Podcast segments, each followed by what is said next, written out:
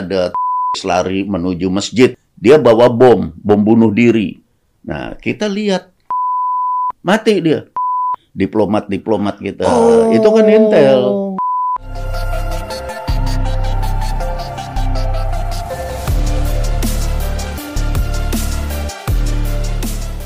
Five, four, three, two, one, and close the door. Ini adalah profesor in, profesor Intel pertama di dunia loh. Nah, filsafat intel. Filsafat Intel, profesor filsafat Intel pertama di dunia loh. Luar biasa loh. Profesor dokter dokter Ya, dok- eh, dokter. Profesor Dr. Hendro Priyono. Rekor dunia. Wah, pecah, pecah. Saya juga rekornya pecah podcast ini. Ayah datang ke sini. Ayah makasih banyak ya. Sama-sama. Akhirnya. Saya sih gak seneng juga. Iya, akhirnya dan dan ada bukunya ya ya.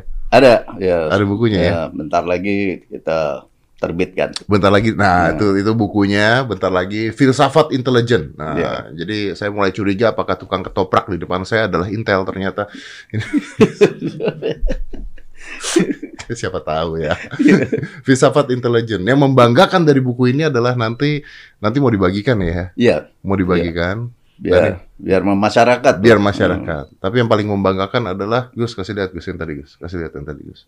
Nah, yang membanggakan adalah bahwa ini yang foto gue, Iya betul. ini yang foto gue. Foto yang terba terakhir terbaru. Iya. Eh, Saya kan yang foto ya. Iya, iya, dong. betul. Saya Jadi, foto. Makanya fotonya jadi bagus itu. Tampaknya lagi kayak James Bond makanya kita ambil. ya, tapi gini, banyak orang nggak ngerti. Intel tuh apa sih ya kerjanya? Intelijen tuh seperti kalau orang perorangan itu panca indera. Jadi apa yang dia lihat, dia dengar, dia Ah. cium, dia rasa itu eh, dikirim ke otak secepat-cepatnya. Nah, intelijen itu adalah satu kerja berpikir. Jadi satu proses untuk berpikir. Karena itu eh, filsafat intelijen ini saya rangkum dari ilmu filsafat dan ilmu intelijen jadi satu. Oke. Eh, supaya orang-orang Intel pada jadi filsuf Ke- ke- Kenapa? Kenapa? Kan kan kerjaannya beda tuh ya.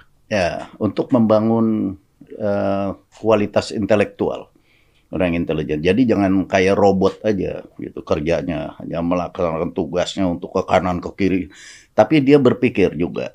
Nah dengan berpikir itu, nah, dia bisa eh, memecahkan solusi atau mencari solusi dari pertanyaan-pertanyaan seperti misalnya ada strategi. Oke. Nah, itu kenapa mesti strateginya yang ini yang dipakai? Kenapa nggak yang lain? Kenapa gitu? nggak yang lain? Dalam pemilihan strategi, pemilihan metode, karena kan ada ini, Dad. Metodenya intelijen tuh ada yang tertutup sama sekali, metode hitam di bawah tanah.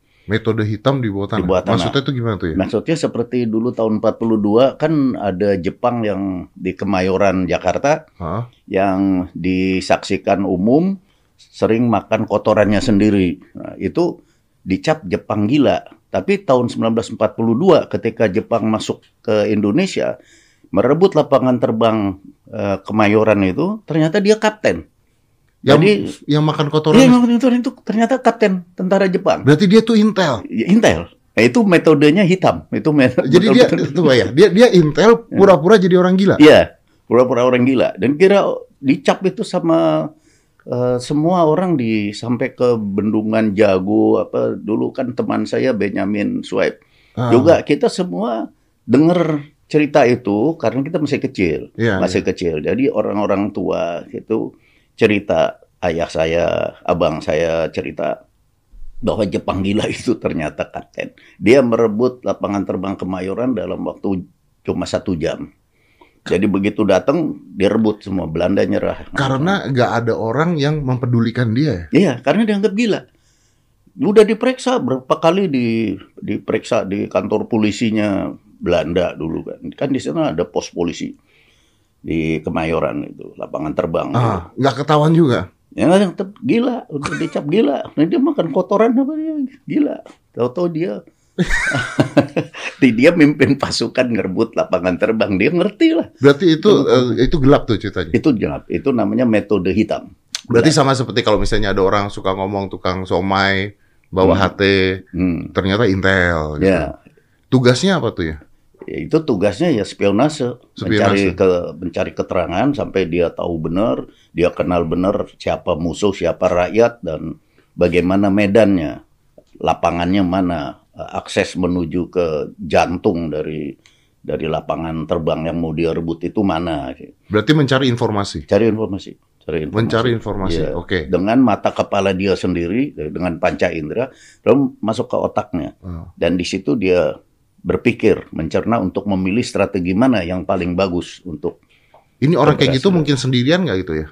kadang sendirian, Kadang sendirian. sendirian, kadang sendirian. Makanya kan seperti kita saksikan di BIN kemarin eh, di Sekolah Tinggi Intelijen Iya, Negara iya. waktu waktu wisuda kemarin itu kan ditunjukkan kebolehan perorangan, perkelahian perorangan. Iya. eh, kepela- eh, apa kepiawaiannya bela diri terus kepiawaiannya menembak lempar pisau main gitu kan perorangan memang harus dilengkapi supaya ada percaya diri Iya, untuk iya. perorangan kemudian kerja tim Tapi artinya ya, artinya ya eh, ternyata bukan kayak di film-film ya. Maksudnya begini, bukan hanya jago berantem atau jago nembak, itu mah malah belakang ya. ya Tapi yang penting berpikirnya yang ber- penting berpikirnya, Iya. mengintainya, Betul. cari informasi sebanyak-banyaknya, ya lebih ke sananya berarti. lebih ke sana kalau yang fisik itu sekedar dia untuk bela diri bisa gitu Iya, nggak iya. nggak terlalu lemah tapi bukan itu yang diandalkan karena orang kan tidak ada yang jago orang ada yang jago ada yang lebih jago selalu Iya, begitu betul, kan betul.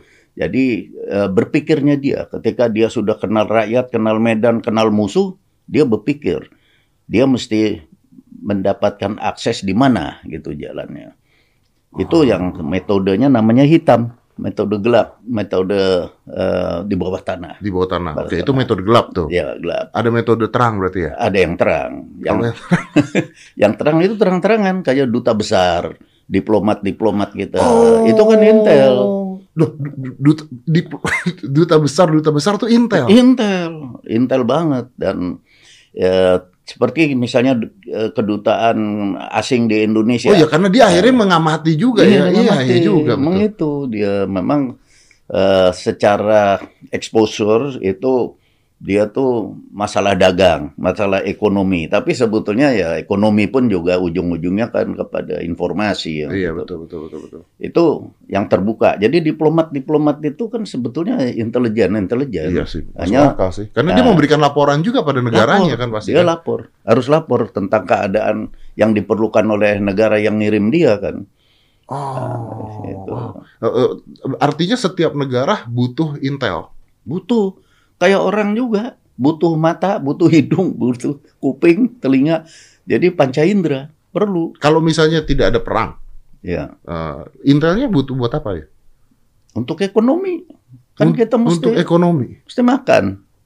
Kita punya macam-macam selain ekonomi ya macam-macam ya kan sebagai satu negara kita punya national interest. Karena itu kita kadang-kadang temen sama musuh jadi kabur itu. Yang penting kan national interest. Interest nasional kita apa? Interest bangsa kita itu apa? Itu yang kita cari di dunia ini. Karena kita kan berkompetisi sama bangsa-bangsa lain. Jadi kita nggak bukan bicara hanya perang doang ya di Oh, sini. enggak, ya? enggak. Enggak ada intelijen ekonomi. Sekarang dibagi-bagi intelijen bisnis, intelijen macam-macam.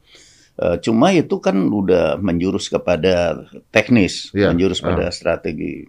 Nah, yang saya bicarakan itu di filsafat intelijen adalah cara berpikirnya, Cara berpikirnya. cara berpikir Eh, untuk kita membangun inilah kualitas intelektual. Karena itu kan orang intelijen itu harus filsuf, walaupun dia bukan ahli filsafat, tapi dia harus filsuf. Kenapa? Karena dia harus berpikir.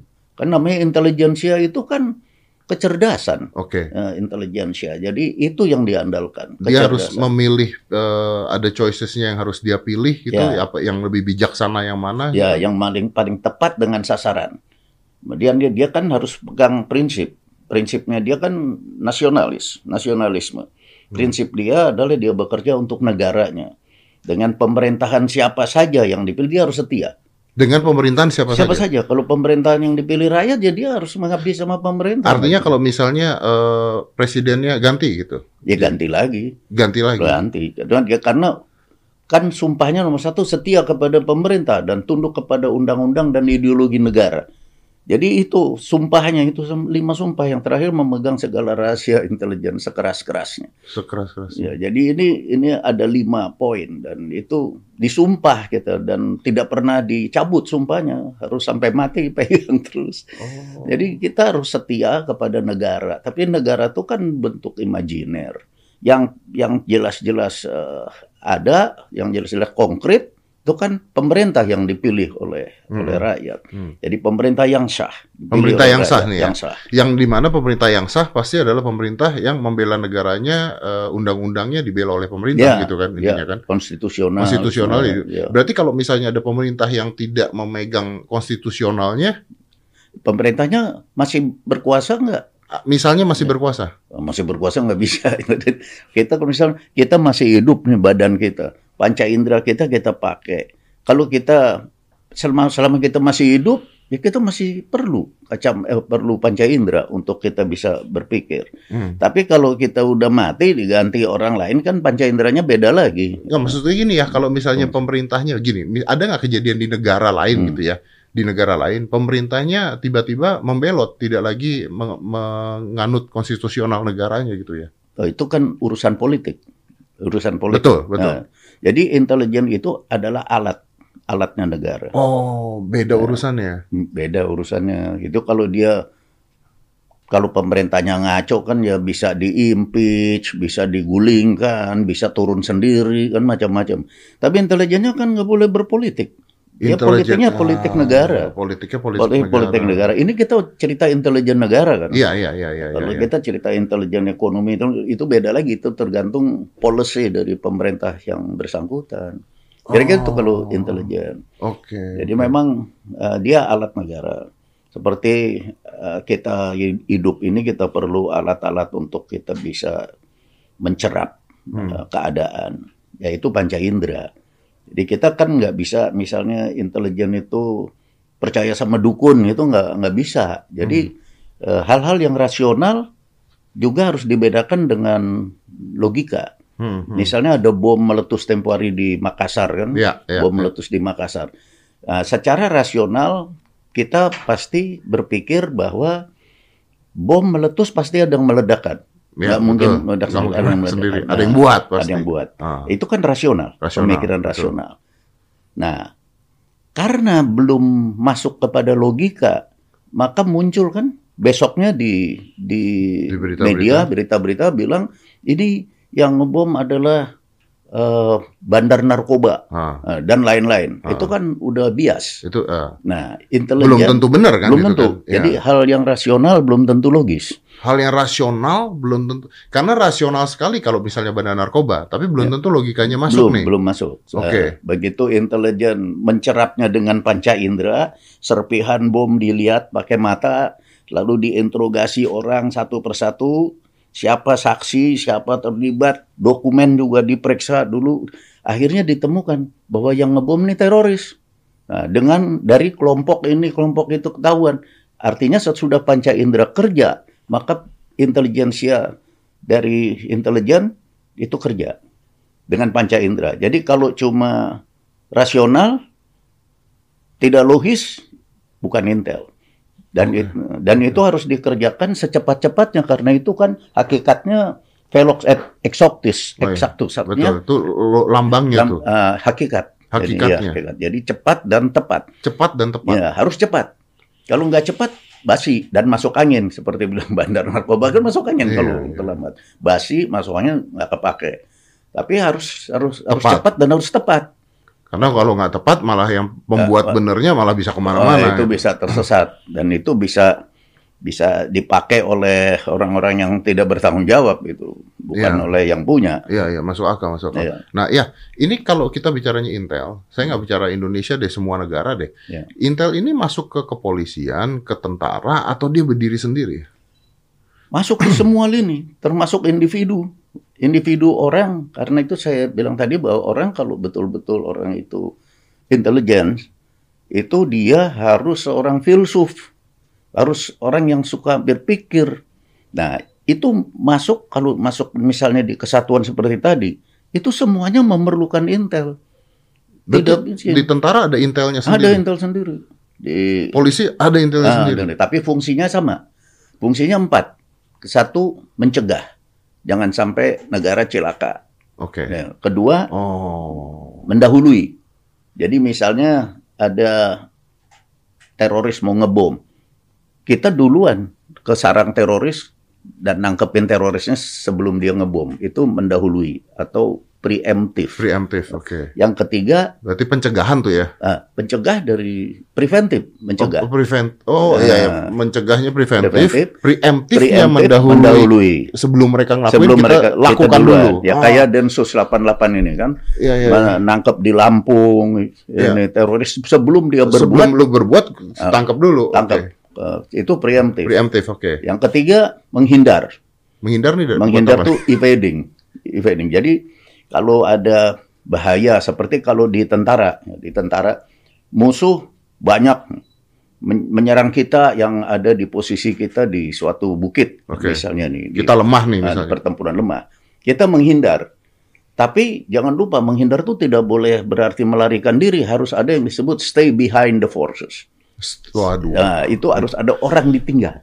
Hah? Unsur tinggal. Ada orang ditinggal? Ditinggal. Kita yang lain menghindar, yang ditinggal itu sendirian di situ. Mati dong. Ya. Wah, untuk dia ngasih informasi ke kita. Oh. Eh, dan informasi kita harus bikin serbal kan counter attack, serangan balas.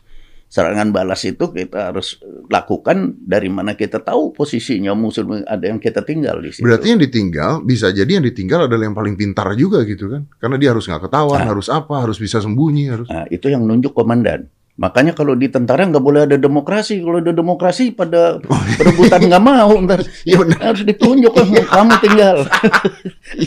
Saya kalau di sana jadi tentara, Iya. Nggak Anda ditinggal. Mohon maaf. Yang keempat terakhir eh, adalah memancing. Memancing. Mancing. Jadi informasi kita tidak tahu, kita ngomong sama orang, kita pancing. Oh. Nah, sehingga orang itu keluar, ya, informasi kita dapat. kayak mancing pacar lah ya. Nah, mancing. Iya, iya. Itu namanya Kemarin ke mana gitu. Eh, Iya gitu. Eliciting namanya. Eliciting. Eliciting itu memancing. Jadi ada empat. Mencegah, mendahului, kemudian Menghindar. eh, menghindar, memancing. Itu fungsi intelijen. Dan itu di di ilmu ini filsafat dan ilmu intelijen saya gabung sehingga kita menemukan bagaimana cara kita berpikir untuk memilih yang mana. Dalam rangka mencegah apa Oh, kita mau oke, oke. preemptif, kita pilih gimana. Nah, itu perlu saya jelaskan panjang dan mungkin Nggak apa-apa, nggak apa-apa. ya, Nggak apa-apa. Eh, saya, saya harapkan gini nak, saya harapkan eh, di berbagai perguruan eh, itu mempelajari ilmu ini, ilmu gabungan antara ilmu filsafat dan ilmu intelijen. Karena filsafat intelijen ini ilmu filsafat yang bekerja di ranah intelijen. Jadi ini bukan ilmu intelijen eh, taktis atau strategis, enggak.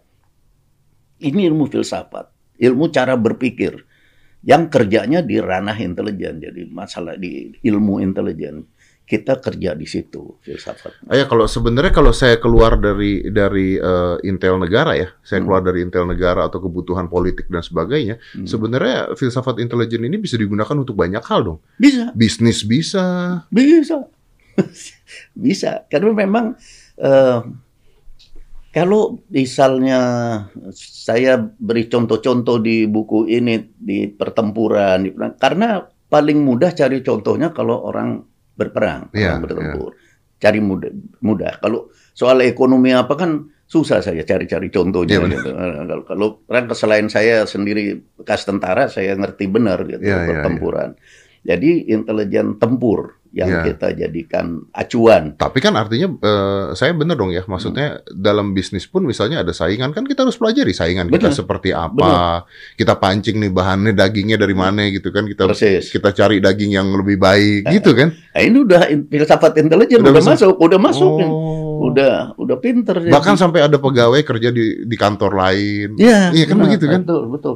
Nah, yang paling susah, paling susah dibongkar intelijen musuh yang masuk melakukan spionase Ah, ke kita. ah. Spionase itu cari informasi, informasi. di kita adalah clandestine. Apa tuh? Clandestine. Clandestine itu uh, orangnya adalah kawan kita, tapi otaknya bekerja buat musuh. Berarti pem pembelot? Belum tentu. Belum, ah, belum tentu. Mungkin dia juga tidak sengaja. Eh, gimana Eh, cara? misalnya begini, kepala sekolah, Kepala sekolah. kepala sekolah atau rektor lah ya di Oke. satu universitas didukung banyak waktu pemilihan didukung oleh orang-orang eh, orang-orang yang tidak suka gitu kepada pemerintahan. Oke, oke. Nah, padahal yang dia dukung ini adalah orang kita, orang nasionalis, orang berpaham kebangsaan. Oh. Tapi karena yang dukung ini orang-orang yang tidak suka kepada negaranya sendiri, ya orang ini jadinya bekerja namanya clandestine ini. Akhirnya dia, dia bekerja buat orang yang dia dukung, bukan lagi untuk negara dan bangsanya. Ini yang sering kali tidak disadari. Dan dia bisa tidak sadar. tidak sadar dia. Dia tidak. Yang penting kan dia juga kalau bangsa national interest. Kalau pribadi dia ya individu punya Iya, iya, interest. iya, dia iya. pikir dia, Dia dapat jabatan. dia dapat jabatan. Iya. Dia dia terima kasih kan. Dia tidak sadar bahwa dia ntar dibelok-belokin gitu. Bahwa ada kepentingan lain yang lebih besar. Ya, itulah yang disebut metode Clandestine. clandestine. Dan itu yang paling sulit di intelijen ini. Kenapa paling sulit? ya? Sulit karena kan teman kita. Kita tahu teman kita kan kita sering cerita yang Oh. eh, nggak terbatas. Tahu-tahu dia kita nggak tahu dia sedang dipakai. Dia sendiri juga nggak tahu bahwa tidak sadar atau mungkin dia tidak merasa dipakai. Tapi informasinya nyampe ke Pasti pihak sampai, lain. pasti sampai. Bagaimanapun kan udah nyatu.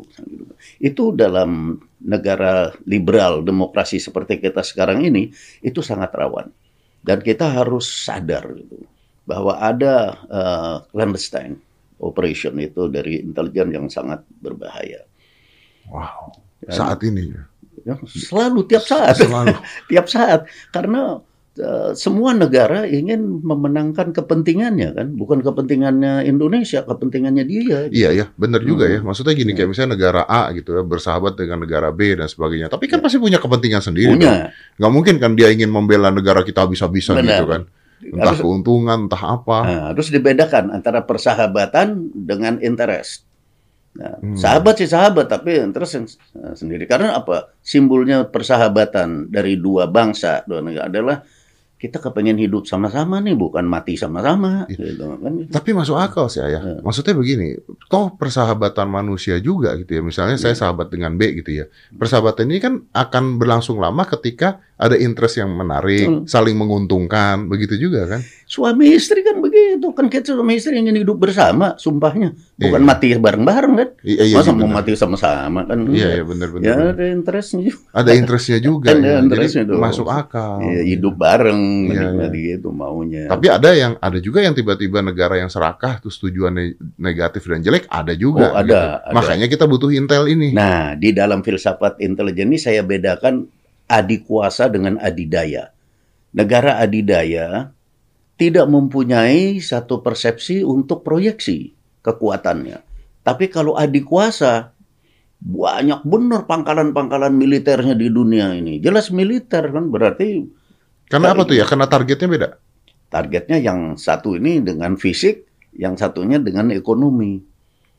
Oh. Ya, tapi pasti seperti tadi bilang ingin menguasai, ingin lebih. Entah Dan- dari secara fisik atau Atau ekonomi, ekonomi terserah. whatever it is, Ya. tapi he want to take some gitu Ya, ya. betul. Tapi kan yang paling welcome adalah kalau ekonomi kan bisa hidup sama-sama. Ya, ya, ya, Nah, bareng-bareng untung lah gitu. untung. Sama-sama cuan dah kita dah. Cincai-cincai lah. lah. Ya, ya, ya, ya, ya, masuk akal, masuk akal. Wah, berarti gede banget ya. Maksudnya eh, ternyata eh, status intel itu sangat penting. Berarti di semua negara sangat penting. Sangat penting. Dan Ya. dan, dan bisa adu-adu pinter-pinteran dong ya. Ya, dan- Iya dong. Tapi kan ada ilmunya. Ilmu kan boleh dibuka. Jadi seluruh rakyat, seluruh manusia itu boleh dong belajar ilmu, nggak boleh diumpetin. Betul. Nah, seperti kita belajar ilmu main catur. Iya, iya. Tapi begitu kita bertanding kan ada yang kalah, ada yang menang Iya, kan? belum tentu menang juga, benar. Ya, ya, belum tentu. Iya, Karena iya, itu iya. saya sering diskusi sama terutama para pendahulu saya di intelijen. Mereka kan tidak setuju ada sekolah intelijen, nggak setuju. Ada ilmu intelijen, bikin buku intelijen, pada marah-marah kok intelijen. Kenapa? Kenapa dibongkar gitu? Nah, dibongkar. Padahal Ini kan Intel. Kenapa dibongkar? itu mereka nggak bisa bedakan ilmu itu dengan art. Beda. Ilmu harus dikasih semua orang itu nggak ada batas. Semua orang berhak. Iya semua orang belajar bela diri juga kalau Iya. berantem belum tentu yang menang belum tentu kalau Iya. menang juga. Yang menang yang menguasai seninya, Iya benar-benar. artsnya.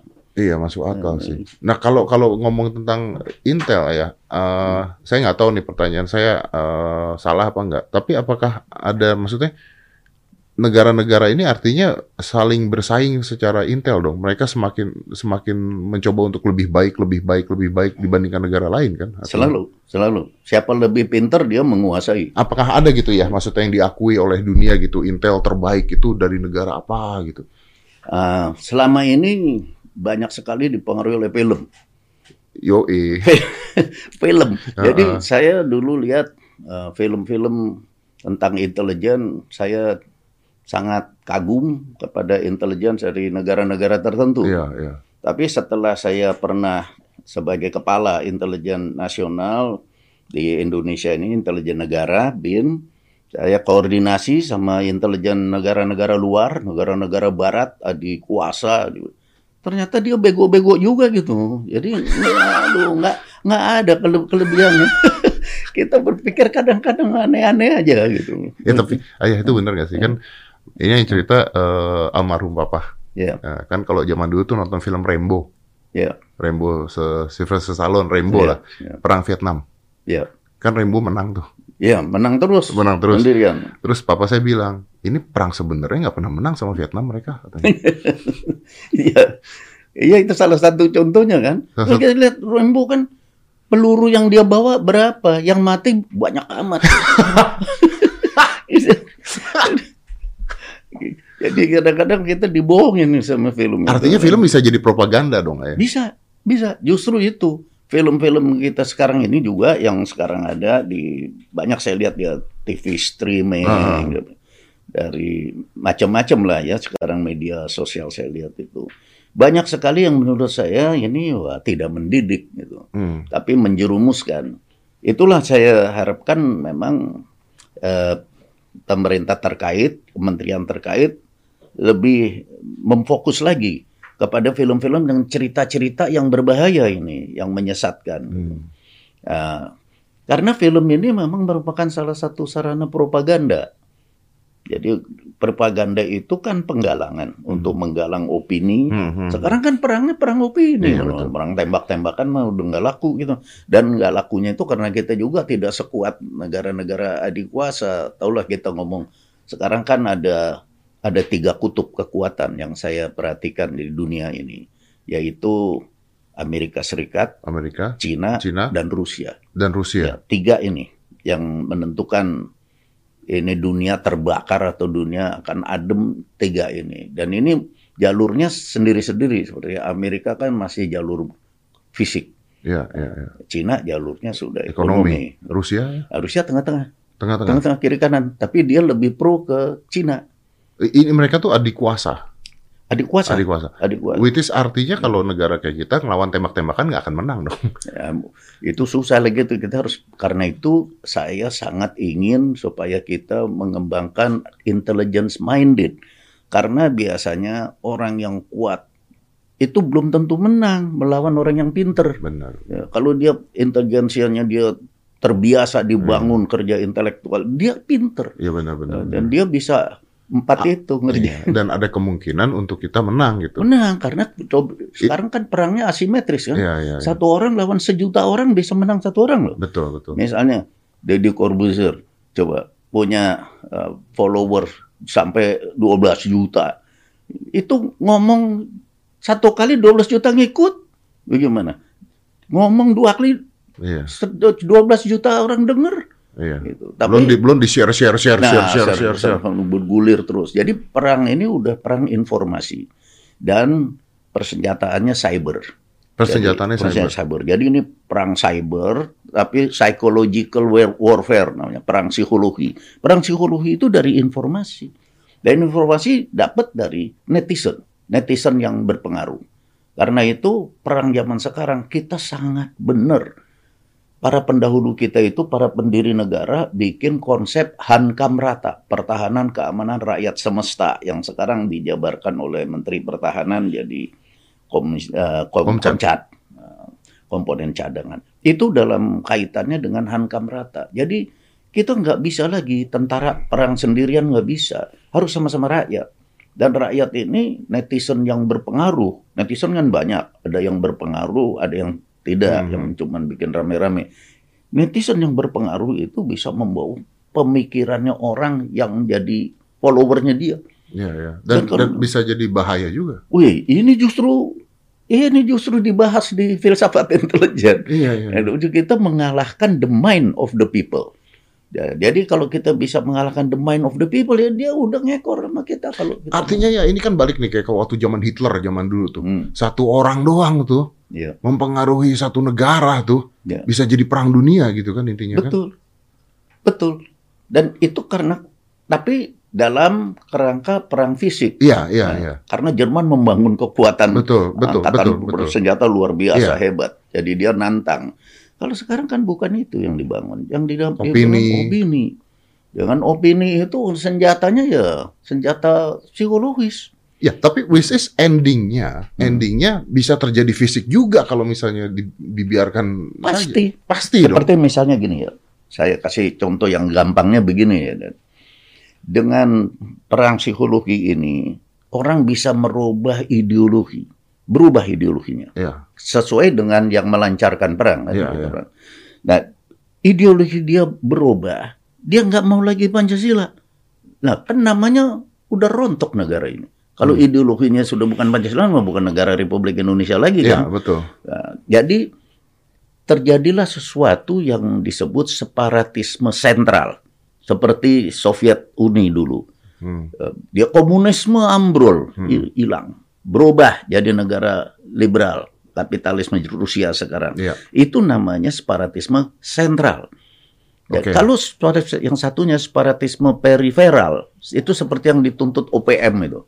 Kepengen merdeka sendiri, Bisa. lepas sendiri. Itu periferal. Oke. Ya, itu sekarang yang kita perlu amati. Jangan sampai kita menghadapi separatisme periferal, ada ancaman terhadap kita dari para separatis sentral yang ingin merobohkan ideologi kita Pancasila. Padahal ideologi kita itu kan udah kita cetuskan sejak Dari ya sebelum merdeka. founding kan. father kita Ya, udah. Ya. Kalau sekarang kita bahas lagi, kita kapan kerjanya? Iya bener-bener. Oh, Capek. Ya? Mundur ke belakang. saya waktu muda tahun 86 nah, saya sudah ikut serta dalam eh, menyatakan eh, bahwa Pancasila itu satu ideologi terbuka. Hmm. Artinya terbuka. Dia bukan lagi cita-cita. Bukan ideologi itu kan ide, cita-cita. Tapi dia sudah jadi filsafat. Kalau filsafat itu adalah proses berpikir. Jadi Pancasila itu harus merupakan suatu sasaran atau objek kita berpikir untuk bagaimana mengimplementasi dalam kehidupan kebangsaan. Politik, ekonomi, sosial, budaya, Semua hankam, ini. semua. Semua ya. Nah, kita pikir. Dan itu 86. Nah, sebelum itu, kita lihat tetangga kita Deng Xiaoping bikin pembaharuan Hmm. Cina. Iya. Sukses. Sukses. Sekarang melejit. Iya bener. Kita sudah sama sama dia juga bikin pembaharuan. Iya. Merubah ideologi menjadi filsafat. Terbuka. Ideologi yang terbuka kan namanya filsafat. Iya. iya. Kalau kalau masih jadi mimpi kita masa diketawain orang nah, kalau kita cerita tentang mimpi di situ kan ada tuh. You say, Jadi kalau kita mimpi kita ceritain kan orang ketawa gitu. Iya betul. Jadi tapi kalau sudah jadi filsafat, udah jadi membumi, sudah berpikir tentang strategi. Strategi yang mana yang kita pilih, itu yang terbaik untuk bisa mencapai sasaran. Jadi targetnya adalah menjaga NKRI, menjaga Pancasilanya. Ya. Tetap kan. kita harus ya. tetap memegang filsafat bangsa kita sendiri. Kita nggak perlu ngambil filsafatnya orang yang komunis, filsafatnya orang yang liberal kapitalis. Nggak usah. Tetap Fil- Indonesia, tetap dengan Indonesia. Pancasila, tetap dengan NKRI-nya. Benar. Ah, kemarin tuh eh, saya lihat Cinta Laura punya Instagram. Hmm. Dia ada tulisan quote, dia tulis begini kalau nggak salah, don't use a God name Hmm. uh, for political uh, move kalau nggak salah atau untuk kepentingan politik. Ya. Jadi dia bilang jangan menggunakan nama Tuhan hanya untuk kepentingan politik doang. Ya. Nah saya berpikir gini, artinya kan banyak juga orang-orang yang sebenarnya bukan cuma mau mengubah negara, mengubah Pancasila nggak, cuma mau menang doang bisa dong. Tapi Bisa. menggunakan menggunakan yang lain-lain iya, gitu. tapi jadi alat kan. Jadi alat kan artinya kan. Ya, jadi eh, pakai agama, terus pakai ideologi, pakai ekonomi, itu kan semuanya case-nya aja. Ya, bungkusnya aja. bungkusnya. Dalamnya sebetulnya ambisi untuk berkuasa itu aja. Iya, iya. Yang kebanyakan kan gitu, itu interest pribadi atau interest golongan. Dan itu kan baru ide kan, baru mimpi. Nanti kecewa kan kalau Iya. ternyata setelah berhasil dia nggak dapat apa-apa. Ah, Nah, itu kalau selalu dilaksanakan dengan cara revolusioner. Karena revolusi itu tidak pernah menghasilkan buah buat anak-anaknya sendiri. Malah revolusi itu sering memakan anak-anaknya sendiri. Itu terus ingat. Bung Karno, Bung Hatta, pemimpin kita pernah sering ngomong gitu pada waktu zaman saya masih kecil. Jadi habis revolusi berhentilah revolusi. Kalau apa-apa pa- pakai revolusi, revolusi itu biasanya memakan anak-anaknya sendiri. Nah, itu merugikan.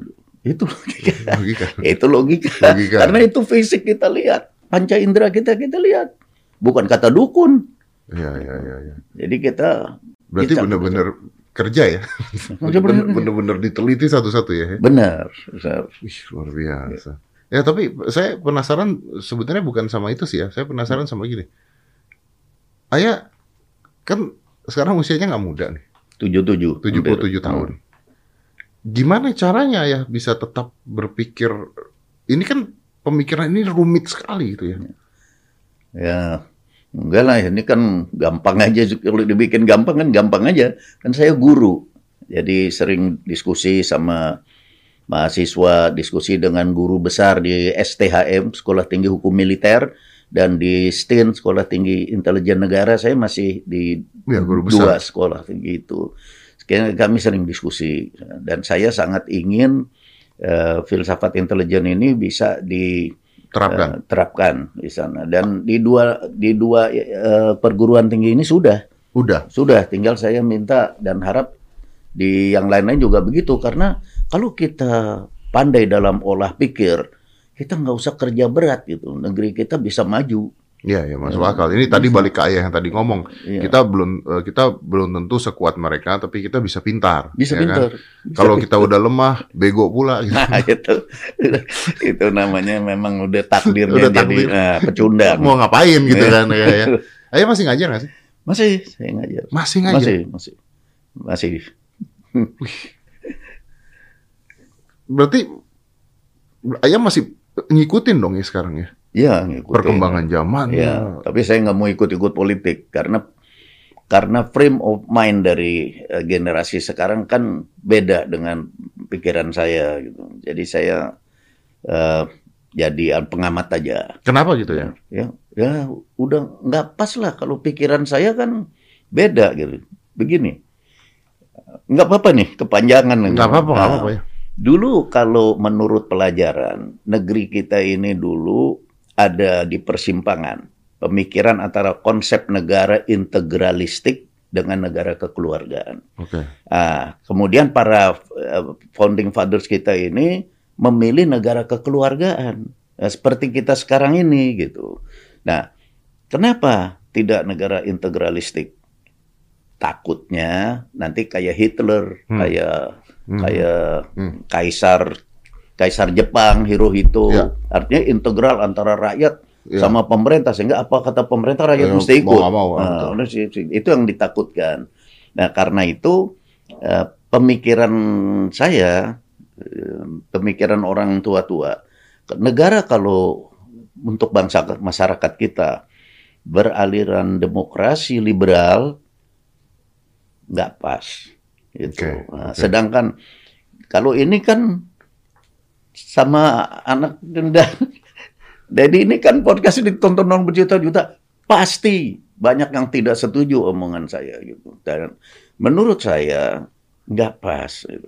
apalagi kalau ini tentara dan polisi ikut-ikutan berdemokrasi Hmm. Nah ini udah salah. Kenapa? Karena Kalau kita menganut ini pada kondisi masyarakat sekarang ini, risiko yang kita alami adalah disiplin sosial yang rendah. Jadi sosial disiplin kita rendah, semua orang merasa bebas. Nggak ada.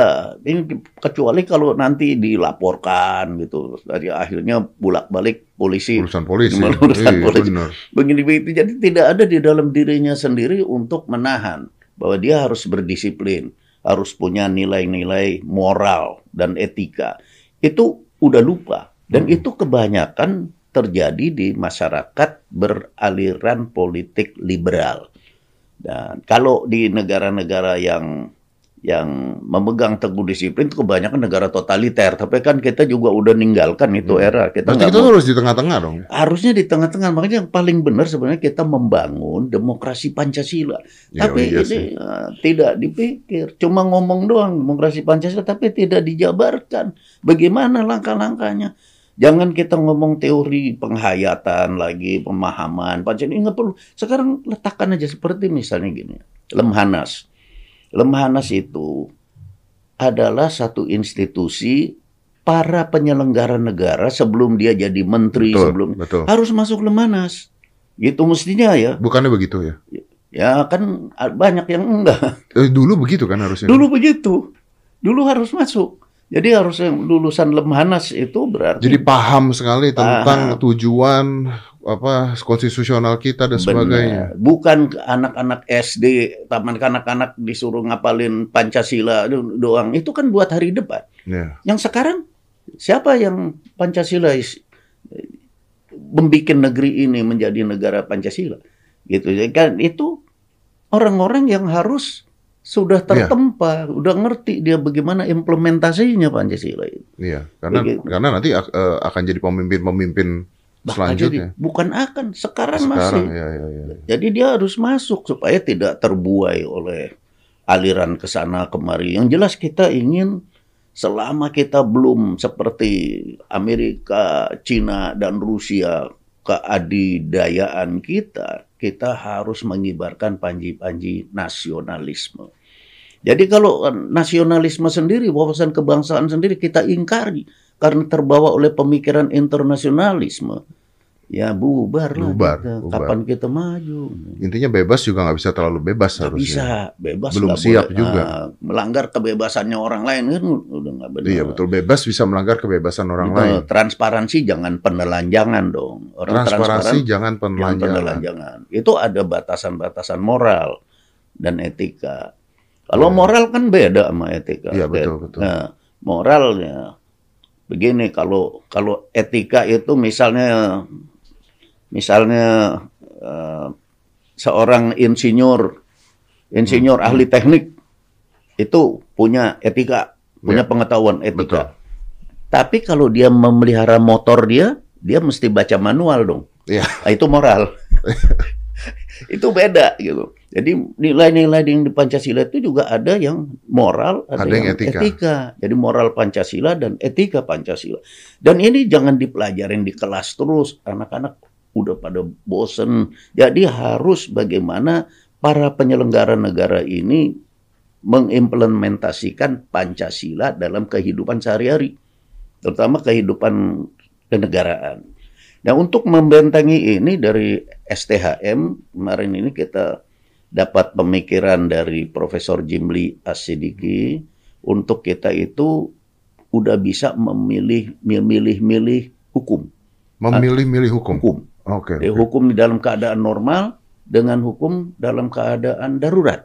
Artinya Iya. dalam kedaruratan. Iya, itu dua hal yang berbeda tuh Beda. pasti. Itu Betul. bukan bukan lari ke undang-undang keadaan Iya, darurat iya, banyak iya, ya, iya. tapi kedaruratan. Seperti misalnya ini, ada aturan kita naik motor nggak boleh di jalan tol, Iya. harus di bawah. Itu normal, Normal. normal. Tapi kebanjiran, Hmm. semua banjir di mana-mana. Motor terus naik jalan tol. Nggak masalah karena darurat. Nah, bisa nggak polisi lalu lintas nyetop dan menilang mereka? Nggak bisa karena Ah. dalam keadaan darurat. Nah, itu Oke, jadi Nah, dua hal yang berbeda. dua- ya, Jadi sehingga kita bisa tahu nilai mana yang kita pegang, moral. Nah, kalau cuma hukum dan aturan sih kan nggak boleh. Nggak boleh. Ya. Tapi Ya. kan Tapi nggak bisa begitu cara ah, ada moral. ada moral yang kita seperti misalnya ada teroris lari menuju masjid ya. Ah. orang lagi sembahyang Jumat. Dia bawa bom bom bunuh diri. Nah kita lihat tembak mati dia. Secara hukum kan salah. Dia belum berbuat. Siapa tahu itu bomnya bom mainan apa macet dia, dia belum berbuat. Iya juga sih. Nah, tapi- secara secara hukum salah karena tiba-tiba bukan bom gitu misalnya. Iya, Atau kan? tiba-tiba bom mainan. gitu. nah kan gimana Iya, tapi Jadi- kalau kita nunggu dia ke sana terus meledak, meledak mati orang semua di dalam masjid. Nah, kan nggak bisa. Jadi kita dalam keadaan darurat seperti itu dibahas di filsafat intelijen ini bahwa kita harus lari dari situ. Apabila dalam kedaruratan hukum apa pun tidak punya daya rekat karena dia punya hukum sendiri namanya hukum kedaruratan. Nah, itu kita harus dor. Nah, itu salah apa benar? Masa ditangkap intelnya? Nah, karena nembak orang, orangnya belum tentu ngebom, dia lari ke dalam. Mungkin bomnya sama dia, dia lagi matiin, dia sembayang dulu. Ntar ngebomnya ntar ntar kan nggak bisa. nggak bisa. Ya kalau kalau kalau pilihannya ke saya, ya tembak dulu. Nah, kan, Nah, itu kan pemikiran logis kan. Iya, no. Nah, itulah di filsafat intelijen suruh milih. itu kan itu kan gini ya, maksudnya itu kan semudah ini gitu. Misalnya tiba-tiba di rumah kita nggak usah bicara bom deh di rumah. Malam-malam jam 2 pagi ada orang manjat kita punya pagar gitu. Hmm. Ya kita dorong dulu dong, kita Iya, teriak dulu memang. dong. Memang. Iya kan? Kita kan nggak nggak tahu. kita diem masa kita aja? diemin, kita Ah. liatin gitu kan? kan Sampai kita, dia turun kan, Nah. kita yang kalah. kita yang kalah. Walaupun misalnya dia manjat pagar ternyata cuma ngambil kucingnya. Tapi kan kita reaktif dulu karena kita resiko, ada resiko di sana Betul. kan. Betul. Sebetulnya kalau dalam ajas hukum di mana pun termasuk ajas hukum kita, dalam keadaan terpaksa seperti itu memang dibenarkan. Jadi Hmm. Itu adalah suatu tindak pidana yang tidak bisa dihukum. Hmm. Nah, jadi itu tindak pidana, nembak orang mati Tindak Nah, pidana. dan orangnya belum Belum apa? belum belum berbuat apa-apa ditembak. Nah, tapi ini tindak pelaku ini melakukan tindak pidana yang tidak bisa dihukum. Iya, iya. Ini kan preventif kan? Ya, untuk mempreventif ya. Bawa, bawa bom. Gitu. Jadi memang Tapi ini sulit sekali ya. karena itu belajar filsafat intelijen jadi nggak sulit. Iya, iya, iya. iya. Iya loh, saya berpikir sulit sekali loh, karena bahkan yang mau gini nggak usah kita ngomongin tentang eh, moralnya atau etikanya, yang mau nembak aja kan mikir kan, iya. Nah, iya dong, itu kadang-kadang kan jadi ragu-ragu. dilema kan Nah, dia kan, dilema. salah nggak nih gitu, tiba-tiba begini. Iya. tapi kan dia harus berpikir untuk keselamatan Betul. lebih besar lagi. Karena itu saya sering kasihan sama polisi di zaman sekarang. Itulah yang membuat polisi ragu-ragu karena itu dibikinlah densus untuk yang begini-gini. Ah. Jadi untuk mengatasi hal-hal yang terjadi dalam keadaan kedaruratan. Dalam keadaan kedaruratan yang seperti ini, densus. Jangan terus teriak-teriak minta densus dibubarkan segala macam. Baca dulu buku filsafat intelijen jadi tahu Oh, iya. gitu bahwa ini semua ada serba khusus. Baca dulu. ya ini dijual kan nanti? Eh, Ini dari semua pertanyaan ini paling sulit Eh, kayaknya. paling sulit. Ini nggak bisa dijawab. karena saya nggak ingin berjualan ilmu ini. Ya, Tapi kan butuh orang banyak yang tahu ya. Ya, inginnya saya memang pada mempelajari dan mengembangkan supaya lebih. Ini kan dasar, Hmm. dasar-dasar dari filsafat intelijen yang saya buat. Karena dasarnya ini lebih banyak pada pengalaman di bidang Betul. intelijen dan sekolah filsafat saya. Jadi saya gabung. Jadi filsafat intelijen. Oh kalau nggak dijual jadiin ebook aja ya. Ya. Orang bisa download. Ah, boleh, boleh, Iya kan. boleh. Orang jadi kalau mau tahu kan bisa baca kan dia bisa Iya. download gitu. Cum- Cuman ini eh, gambarnya kan bagus-bagus. Sayang juga dia kalau cuma download. Oh downloadnya PDF gambarnya Oh, kelihatan. gambar gambar bagus Oh, ya. oh, gambarnya juga juga ada gitu ya. Ah, iya, iya. Saya sih kepinginnya, saya sih pinginnya ini dijual. Oh, Tapi harganya berapa nanti? Ya Kemahalan lagi. kalau ilmu nggak ada yang mahal. Iya. kan. Kalau ilmu nggak ada yang mahal kan. Iya. Tapi mau dikasih gratis juga. Ya, terserah aja. Yang penting pada mulai eh, sadar bahwa Ya, filsafat intelijen itu perlu. ya. Ayah tahu nggak kenapa saya maunya ini dijual? Ya. Gimana? Ada foto. Ada foto saya yang buat. Iya, fotonya yang ngambil Dedi. Kalau bukan Dedi yang ngambil, foto saya jelek-jelek terus semua. Muka kriminal. saya pasti dibully orang banyak. Orang lihat mukanya soalnya. Sebel lihatnya. Loh, justru saya pilih yang ini kemarin. saya pilih yang ini kemarin. Ya kan lumayan kan kalau ada tulisannya foto taken by Deddy Corbuzier gitu kan. Ya, luar biasa loh. Ini foto yang ada di Instagram. Terima kasih itu fotonya. Iya, ya, keren banget ya. ya. Oke ya, mungkin terakhir ya. eh, what is next ya sekarang ya Indonesia ya? Mau ke mana kita nih sekarang? Ya, saya lihat secara eh, internal kita di dalam pembangunan sekarang memang luar biasa ya. Saya kan ikut tiga presiden udah, Iya. tiga tiga kabinet. Eh, ini kerjanya pemerintahan sekarang sudah banyak sekali terbukti ya, hasilnya, terutama pembangunan infrastruktur ini bisa mengangkat eh, kemajuan ekonomi Hmm. dari masyarakat. Bayangkan jalanan yang tadinya tidak ada sekarang jadi jalanan Hmm, eh, protokol. Protokol. Otomatis pinggir kiri kanannya kan naik harganya. Ya, bisa bikin toko, bisa bikin apa-apa di situ. Eh, pekerjaan kemudian pelabuhan untuk import ekspor, airport dibangun di mana-mana. Menurut saya udah on the track. Yang saya harapkan ya tetap melihat bagaimana caranya membina dan mengembangkan filsafat Hmm. Pancasila. Filsafat Pancasila. Ya, karena filsafat-filsafat dari luar itu itu pasti tidak cocok sama Ya, nasionalisme kita. Kita kan wawasan kebangsaan kita, kita kan heterogen Ya, sekali. perilakunya juga beda. Iya. beda, betul, betul. Nah, kalau yang paling mm, rentan itu memang demokrasi liberal untuk menghadapi terorisme Mhm. dan kekerasan karena sifatnya fisik Hmm. dan terutama intelijen juga. Penyusupan intelijen itu paling mudah itu kepada negara-negara liberal. Liberal yang karena liberal kapitalisme itu kan bersandar pada individualisme. Iya, iya. Jadi kalau mau mengganggu negara-negara yang baru berdemokrasi, tutup cukup disebar dolar aja. Iya. 10 miliar dolar aja sebar. Udah terjadi Berubah tuh negara. Wah, demonstrasi udah luar biasa besar-besaran terus-terusan. Gampang sekali. Jadi Iya. Intel sekarang ya eh, kerjanya lebih Berat. banyak eh, berat dan lebih banyak menghadapi serangan yang seperti itu. Dulu kan kita ada undang-undang anti subversif. Hmm, hmm. Nah, subversif kan satu kerjaannya dari negara bangsa asing Iya, kepada iya. kita. Nah, sekarang kan nggak ada undang-undangnya itu. Gantinya juga nggak ada. Iya benar. Jadi kalau mereka masuk terus mempengaruhi, Bisa. bis, Dan gampang. duitnya aja jalan. Iya, gampang.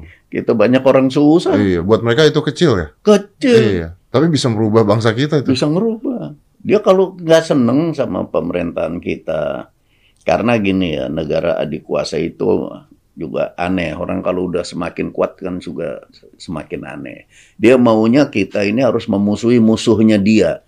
Ya, kan Hmm. bisa. Kalau musuhnya dia baik sama kita, Iya benar. Masa kita harus memusuhi musuhnya dia. Dan kalau kita nggak mau, pemerintahan kita dijatuhkan. Dan cara menjatuhkannya, ya dia carilah orang-orang bangsa kita sendiri yang selalu membenci bangsa eh, pemerintahnya sendiri, walaupun tadinya tidak milih Sebagai pemerintah. Nah, dia- jadi alat, jadi akses masuk. Dan itu dulu disebut pengkhianat, ada hukumannya.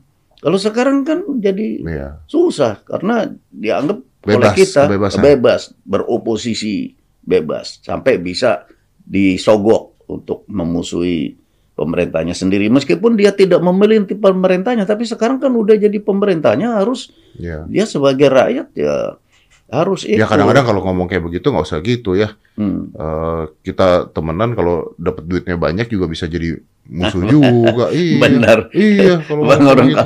makanya jangan ada orang susah yang begitu Iya, makanya. kan kan kalau kalau ngomong begitu nih pro pemerintah gitu, terus wah dikasih duit banyak sekali gitu gitu. ya Ya namanya orang kan bisa aja akhirnya berubah juga nggak usah yang benci atau suka. Ya. Duit kan main peranan juga. ya. Benar. Makanya negara adik kuasa yang mau mendikte kita, dia kan bisa menjatuhkan pemerintah, Iya. tapi untuk mengangkat dia nggak bisa. Misalnya Dedi pengen Oh. pengen jadi presiden, nggak bisa dia. Bah, Dia perlu. eh, Kenapa nggak bisa ya? Kan kerjanya susah, berat. Dengan dana yang ada?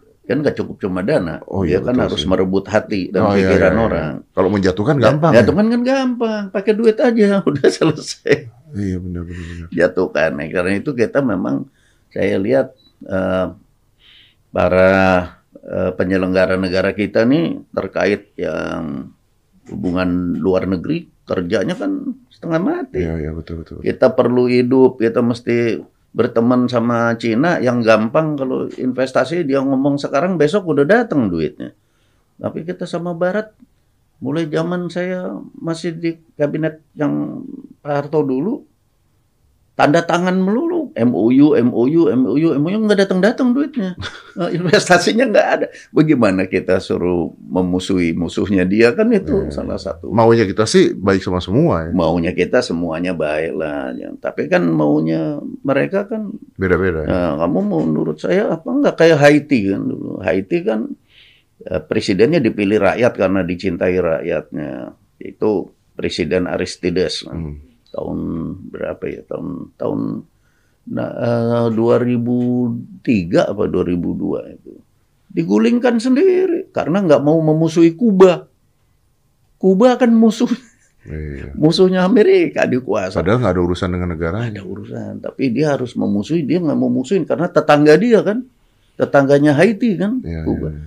ya dia digulingkan waktu itu juga saya tanya juga pada counterpart kenapa digulingin itu pendeta itu Wah, dia jadi duri dalam daging Iya, ya duri dalam daging kan buat lo Iya, iya betul. iya buat negara bangsanya kan Iya, iya. Nah, itulah makanya kita jadi negara, jadi bangsa ini harus kuat.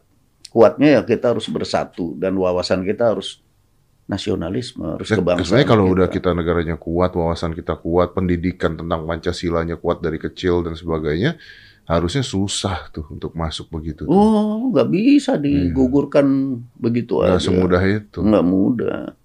Duit juga bisa-bisa kita terima. Ya duitnya kita terima. Tapi kita diam aja Nah, gitu ya. ya.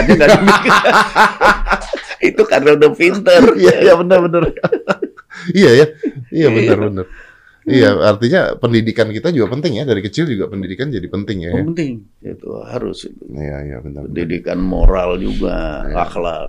Dulu tuh ada P4 dulu. dulu Ya, dulu, dulu. Tapi kalau kita ngulangin lagi sekarang boleh saja. Hmm. Cuma yang sudah terlanjur duduk juga harus ikut belajar. Ya, lem Hamnas itu. Eh, ikut le- lewat lemanas Ya, itu. Lem Hamnas itu.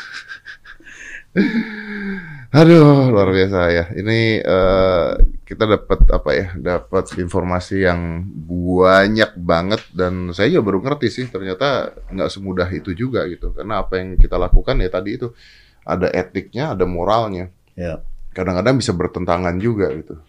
Ya, selama eh, sesuai dengan kepribadian kita nggak akan bertentangan. Hmm. Tapi kalau ini dari luar ya pasti bertentangan. Kalau Iya. tidak sekarang besok nanti pasti nggak cocok. Pasti nggak cocok dan susah gitu untuk kita me- men- apa menyesuaikan diri dengan kebudayaan luar. Hmm. Susah, tidak segampang kita pikir. Ya, ya. sedangkan dari luar juga berusaha untuk eh, berusaha untuk merubah kita juga gitu kan sebenarnya. Selalu. Selalu. Tapi kalau punya tujuan politik, tapi kalau kebudayaan sebagaimana adanya, memang tidak bisa dibatasi oleh sekat apa pun. Iya, betul. Seperti musik. Oh, iya. ya kan, kan Iya benar. kita benar, main benar. musik itu masa bisa dilarang? Nggak bisa Nggak dilarang. bisa. Iya benar benar. Tapi musik, film dan sebagainya juga itu luar biasa loh. Maksudnya sekarang anak Indonesia juga dengerinnya K-pop. Karena itu kalau ditunggangi politik bahaya. Iya kan? Maksudnya Iya. bisa kan? Oh, bisa kan bisa. gitu kan? Tapi kalau tidak ya nggak Ya apa-apa. udah nggak apa-apa gitu. Tapi kan itu walaupun begitu kan namanya K-pop, Blackpink dan sebagainya kan membawa nama besar Korea gitu kan. Ya, Jadi nama dia kan jadi luar biasa gitu Iya. kan. sama itu juga. kita ini kan diaspora kita juga udah lumayan sekarang Ah, nggak iya, iya. terlalu kayak dulu. Jadi banyak orang Jawa yang tinggal di Malaysia. Hmm. Nah, dia satu kampung, ada satu Ah. kampung orang Jawa semua. Nah, begitu dia bikin batik, terus dia bikin wayang kulit, reok Ponorogo apa, terus dia daftarkan ke Oh. UNESCO menjadi itu Miliknya Malaysia. milik Malaysia. Kita marah-marah gitu. Nah, ini kita mesti punya kesadaran juga bahwa itu nggak bisa pakai marah-marah. Kita mesti ya mempatenkan itulah jadi heritage kita. Gitu. Iya betul sih. Karena kalau kita marah-marah, dan dia bilang ini kita satu kampung itu orang Jawa semua dari Ponorogo. Jadi dia bikin Yang yang mana punya kebudayaan tersebut Punya memang kebudayaan. sudah punya, bukan mencuri, memang kebudayaan mereka, mereka gitu kebudayaan maksudnya. ya. mereka. Mereka daftarkan. Waduh ya ribet ya. Ribet memang. Nyalahin siapa itu? Nah, nggak ada yang bisa disalahin itu kecuali kita nyalain diri kita sendiri. Kenapa nggak duluan gitu? ya? Kenapa nggak kita yang mempatenkan? Iya, begitu Gitu. dipat- baru ribut. Telat. Iya, iya, iya, iya. Ayo, thank you, terima kasih Ya, banyak. wah, terima kasih saya juga. sih saya- kalau diterusin sih saya bisa 4 jam nih, saya sih nggak apa nggak apa-apa gitu, tapi tapi saya juga harus jalan juga kayaknya dan eh, ini mudah-mudahan ya bukan mudah-mudahan ini, ini dapat ilmu yang banyak sekali dan ya mudah-mudahan yang muda-muda saya sih pengennya targetnya yang muda-muda yang dengar gitu bahwa betul. negara kita Hmm. ini bisa satu kalau kitanya bersatu untuk Betul. negara kita gitu. Itu nomor satu. Iya, dan kita juga harus tahu bahwa negara kita. Saya cerita sama Aska, Hmm. eh, saya bilang gini, kamu tahu nggak negara kita itu kaya loh. Terus dia bilang, oh ya, kok kaya katanya? Lo kaya loh. Gini ya, orang-orang bisa hidup dengan misalnya dengan gaji 3 juta bisa hidup. Karena kaya negaranya. Kita lempar tancap tongkat aja jadi pohon. Benar. Makanan lebih murah, beras ada, ini ada. Kalau di luar negeri nggak bisa tuh hidup dengan harga segitu, karena semuanya mahal. Ya. Berarti negara kita nih kaya. Nah karena negara kita ini kaya, direbutkan dan diinginkan oleh banyak negara. Ini yang kadang-kadang kita lupa gitu. Iya. Iya, jadi rebutan dari zaman dulu kan ya, negara kita Persis. jadi rebutan. Makanya kalau yang nggak jaga kita sendiri, siapa yang jaga kan ya? Ya, benar. Iya. Mudah-mudahan eh, bangkit kesadaran lah gitu ya, untuk lebih banyak berpikir. Untuk lebih banyak Eh, berpikir. dan saya harapkan kita generasi penerus ini kita em, jangan saling memaksakan kehendak, tapi pandailah menyatakan kehendaknya. Dia punya apa kehendaknya, Hmm. dinyatakan dengan baik supaya yang lain-lain ikut berpikir. Oke. Karena itu Ya, ya. jangan memaksa, Jangan memaksa. jangan mem- memaksakan kehendaknya kepada orang lain itu itu yang Hal yang bikin berbeda. eh, nggak maju-maju negeri kita. Jadi nggak maju. Hmm, Jadi saya terima kasih. Jadi, Saya terima kasih ayah udah datang jauh-jauh. Saya tahu macet padahal. ayah sehat terus, sehat terus. Yang pasti Alhamdulillah. sehat, Ya. harus sehat terus. Nih kalau nggak udah, sehat, udah tua, udah tua. ya nanti Tiga tahun lagi 80 kan. Tiga Wah, tahun lagi. tiga tahun lagi. Hmm. nggak apa-apa, masih kuat, masih kuat, masih kuat. 80 masih kuat lah. Nanti tiga tahun lagi 80 kita Podcast lagi. podcast lagi. Pokoknya harus, gimana pun harus. Ayo sehat terus ya, Ya, sehat terus ya. ya. Terima kasih ayah. Terima kasih. Terima kasih Edi. banyak. Terima Ini kasih, Nak. filsafat intelijen nanti kita cari tahu lah gimana kalau mau baca ini caranya gimana. Mungkin bisa di-download nanti one day ya Ya. dengan gambar-gambar yang luar biasa. Ayah, thank Ya. you. Let's Terima kasih. Five, four, three, two, one, and close the door.